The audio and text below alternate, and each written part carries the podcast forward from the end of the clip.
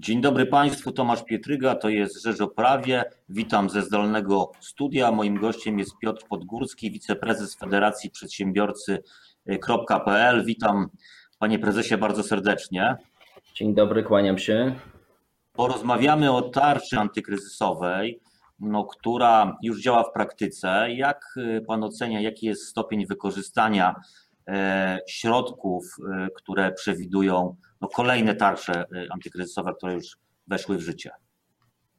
Znaczy, jeżeli mówimy o tarczach antykryzysowych i o świadczeniach i pomocy, która została przyznana i o zainteresowaniu w ramach tarczy kryzysowych, no to z tajemnicą Poliszynela, że było to zainteresowanie szalenie duże. Jeżeli mielibyśmy podzielić to stopniowo, no to na pierwszym miejscu były to wnioski o zwolnienie ze składek ZUS-owskich, E, na drugim miejscu praktycznie uplasowała się ta mikropożyczka, która została e, bardzo mocno, której wymogi zostały bardzo mocno złagodzone e, i tak naprawdę przejęła inicjatywę w tym rankingu, powiedzmy, top 5 tych takich pomocowych, w cudzysłowie wielkim subwencji, które, które, mogą nam, które nam przysługują od, od rządu. E, dużym zainteresowaniem cieszyły się również dofinansowania prowadzonej działalności gospodarczej, czy to e, dla jednoosobowych e, działalności gospodarczej, czy to też dla działalności gospodarczej, czy też dla mikro, średnich, małych przedsiębiorców. No i oczywiście postojowe, postojowe, z którym teraz też mamy mm, w ramach już tarczy 2.0 mamy możliwość ubiegania się po raz kolejny o, o tą pomoc co nie ukrywam, rodzi też, e, rodzi też kolejne problemy i, i nie jest do końca, nie jest do końca e, jasne. No i oczywiście w ramach, w ramach PFR-u e, tarcza finansowa, która jest tym nowym rozwiązaniem, o wiele bardziej skutecznym, wydaje nam się, szybszym, nie wymagającym jakichś większych czasu, przestrzeni czasowej w momencie od e, wypełnienia, od e, złożenia odpowiednich wniosków do realizacji, ale podkreślam, z tą realizacją są też bardzo, bardzo duże no problemy, bo niestety są bardzo duże błędy i, i, jest takim, przepraszam, jeszcze tylko dokończę, myśl, jest taki, mam wrażenie, pośpiech, że coś się pojawiło świeżego, to od razu korzystajmy z tego, bo nam zakręcą kurek. No właśnie, chciałem poprosić o taki ogólny wniosek. Jaki, bo mamy programy, wszystko jest gotowe, są ustawy, natomiast jaka jest łatwość w pozyskiwaniu e, tych środków, bo mówię przede wszystkim o środkach, nie mówię o ZUS-ie, bo ta, ta sprawa już jest znana, ona się dzieje od kilku miesięcy, natomiast właśnie e, środków, które pochodzą z tarczy antykryzysowej. Po pierwsze, czy czas oczekiwania na te środki i te formalności, e, które się z tym wiążą, one są do strawienia przez przedsiębiorców, czy tutaj pojawiają się takie problemy, że teoretycznie pomoc jest, natomiast nie można jej uzyskać. Jak z obserwacji Federacji Przedsiębiorcy to wygląda? Jest tym, bardzo, jest tym bardzo różnie. Ten czas niestety jest, no nie jest taki, jaki być powinien. Ja nie chcę tutaj e, być takim narzekaczem i, i, i pesymistą, bo, bo, rzeczywiście jakaś, jakaś inicjatywa i to dość konkretna była, zwłaszcza teraz, jeżeli mówimy o tarczy finansowej. Natomiast Trzeba byłoby to podzielić na, mm, na dwie kwestie. Pierwsza kwestia, i trzeba to spojrzeć bardzo e, sobie prosto w oczy, to są niestety e, błędy popełniane przez e, przedsiębiorców. I teraz trzeba to podzielić na błędy, które są błędami samoistnymi, popełnianymi w takim pośpiechu, mhm. versus błędy, które wynikają z pewnych, z pewnych niejasności, które nam zagwarantował w cudzysłowie rzecz ujmując oczywiście też ustawodawca, tudzież różne urzędy, które próbują coś wyjaśnić i nie do końca robią to lege artis, nie do końca robią to w oparciu o, e, o pojęcia, które funkcjonują w obrocie prawnym i tym samym powodują bardzo dalekie niejasności. Jeżeli mówilibyśmy o tych błędach takich samoistnych, popełnianych przez przedsiębiorców, powiedzmy, nazwijmy je takimi no niestety użyję tego słowa, gafami.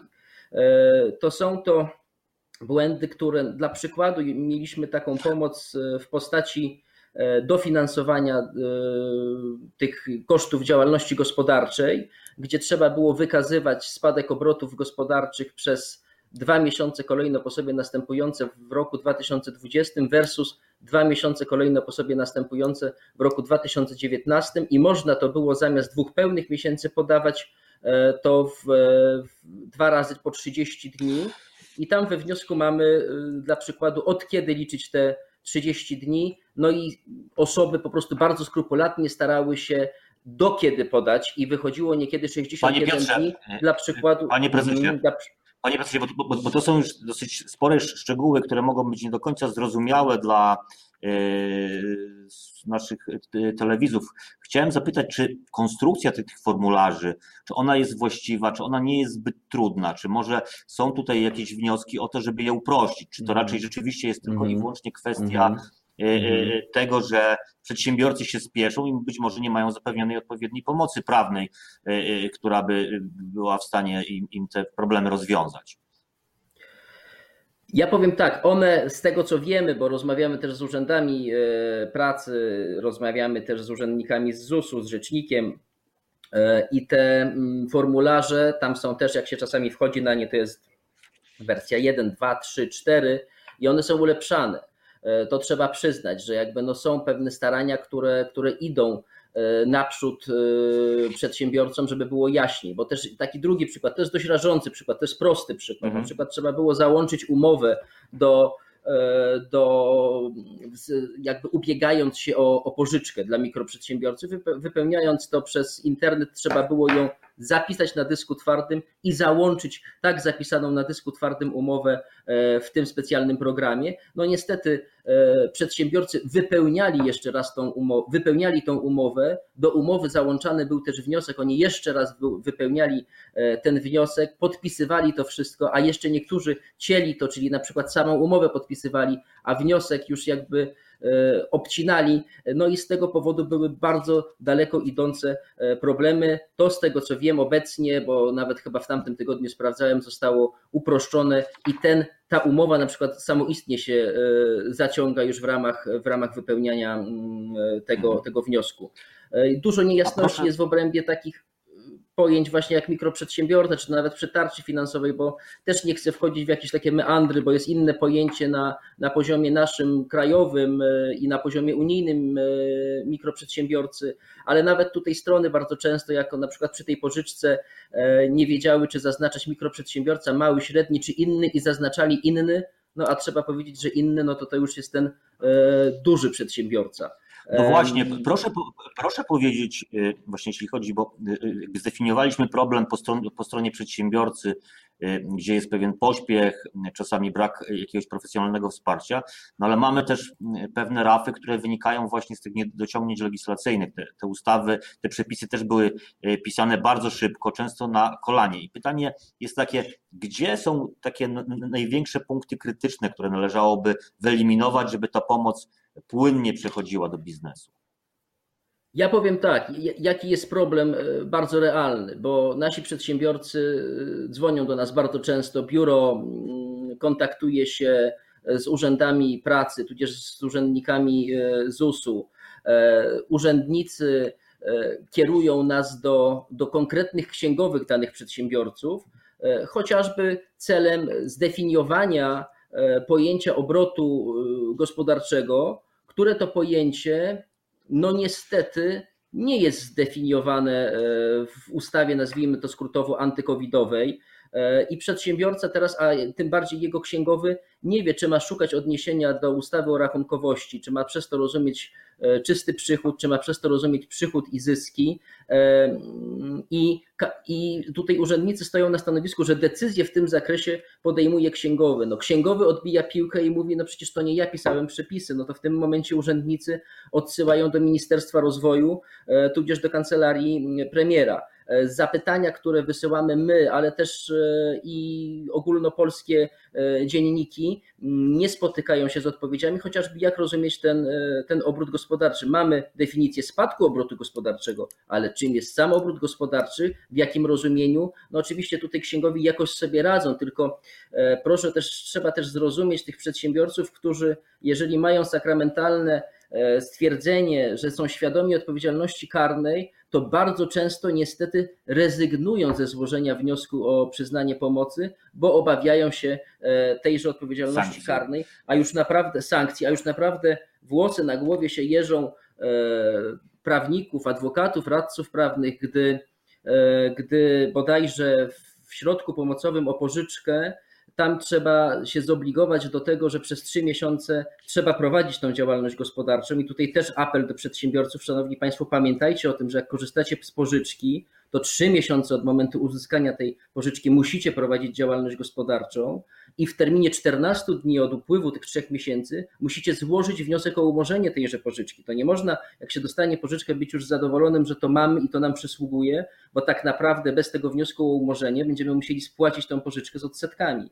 I włos na głowie się jedzie, wracając do, tak. I mhm. włos na głowie, tam jest artykuł trzeci bodajże ustęp 1 i 2 tejże umowy. I włos, włos na głowie się jeży, wracając do, do tego mojego porównania, gdy mamy pod odpowiedzialnością karną zobowiązanie się do prowadzenia e, takiej działalności gospodarczej, bo ja jako prawnik mogę się zobowiązać i karnie, karne, ta, ta, ta, e, ta mm, konstrukcja karna to przysługuje do, do, do, do czegoś, co, co jest w obrębie stanu faktycznego, czyli ja mogę poświadczyć coś pod odpowiedzialnością karną, e, a nie mogę in spe poświadczyć pod odpowiedzialnością karną, że ja się będę, mm, że ja będę zobligowany do tego, bo różne rzeczy się oczywiście mogą w przyszłości wydarzyć. Ja mogę równie dobrze podejść do tego tak, że jeżeli zakończę tą działalność, to ja konsekwentnie do warunków umowy zwrócę tą pożyczkę i nie muszę się na, na chwilę składania wniosku zobowiązywać. Mhm. Zapytam na koniec jeszcze o instytucje i urzędy, takie jak ZUS, y, które no, w jakiś sposób są też zobowiązane do y, pomocy przedsiębiorcom wyjaśnieniu pewnych zawiłości, czy te urzędy zdają egzamin, czy one rzeczywiście pomagają, czy funkcjonują infolinie dla przedsiębiorców, które, gdzie mogą uzyskać szybko, nie czekając informacji, nie czekając dwie godziny na połączenie z operatorem. Czy ten system pomocy informacyjnej e, dla przedsiębiorców działa według Pana? Panie redaktorze, to jest bardzo trudne pytanie, bo z jednej strony odpowiedź jest negatywna, ale z drugiej strony e, bez wsparcia urzędników, nawet tego finansowego, o czym także piszecie Państwo na łamach Rzeczpospolitej, to jest naprawdę szalenie trudne. Oczywiście, że się czeka godzinami, natomiast ja też nie mogę powiedzieć, bo w momencie połączenia e, z tymi e, urzędnikami bardzo często po tej drugiej stronie nie ma zniechęcenia, tylko jest życzliwa jakaś rada, ale też, która ma niestety jakieś granice, bo e, urzędnik tak naprawdę nie wie, jaka jest e, wola ustawodawcy. Wróćmy jeszcze na chwilę, bo to też jest szalenie ważne dla, dla, dla widzów Rzeczpospolita TV. Mamy teraz postojowe, o które można ubiegać się po raz wtóry. To jest szalenie duży problem, bo ustawodawca, ja sobie na chwilę dosłownie otworzę ten artykuł, mówi o tylko mamy, tak, mamy bardzo mało czasu już. Warunkiem przyznania kolejnego świadczenia postojowego jest wykazanie w oświadczeniu, że sytuacja materialna wykazana we wniosku, o którym mowa w artykule 15 ZS nie uległa poprawie. No z tym jest duży problem. Czy my mamy się odnosić do e, tego miesiąca, w którym, za który po raz pierwszy składaliśmy? Wydaje się, że tak. E, no i druga rzecz, kiedy można ubiegać się o kolejne postojowe, bo ustawa mówi, że ono zostanie przyznane w następnym miesiącu, w którym zostało przyznane pierwsze. ZUS interpretuje to jeszcze tak, że ubiegać się można w następnym miesiącu po tym, w którym zostało przyznane. No to mi z ustawy nie wynika i tutaj też jest duży e, galimatias, bo przedsiębiorcy bardzo masowo ubiegają się o to postojowe już teraz, ale też apel i odnośnie tarczy finansowej naprawdę warto przeanalizować zasady, warunki. E, no oczywiście, że gdzieś tam jest e, taka, takie ryzyko, że środki zostaną, że, że ten kran powiedzmy zostanie zakręcony, ale lepiej wyważyć i naprawdę trochę czasu poświęcić i, i wypełnić to i, i, przeanalizować najnowsze wiadomości, na przykład na PFR, na, na stronach ZUS-owskich, na stronach urzędów pracy. O to apelujemy, bo, bo jest sporo tych błędów Zatem... niestety też przed, Zatem Rzeczpospolita przyłącza się do tego y, apelu. Szanowni Państwo, analizujmy wszystko przed podpisaniem umowy, tak żeby nie było problemów, błędów i żeby pomoc była na czas. Bardzo dziękuję za rozmowę. Piotr Podgórski, wiceprezes Federacji Przedsiębiorcy.pl był moim gościem, a ja zapraszam na jutro na godzinę 11 na Rzecz o Prawie. Kłaniam się, dziękuję.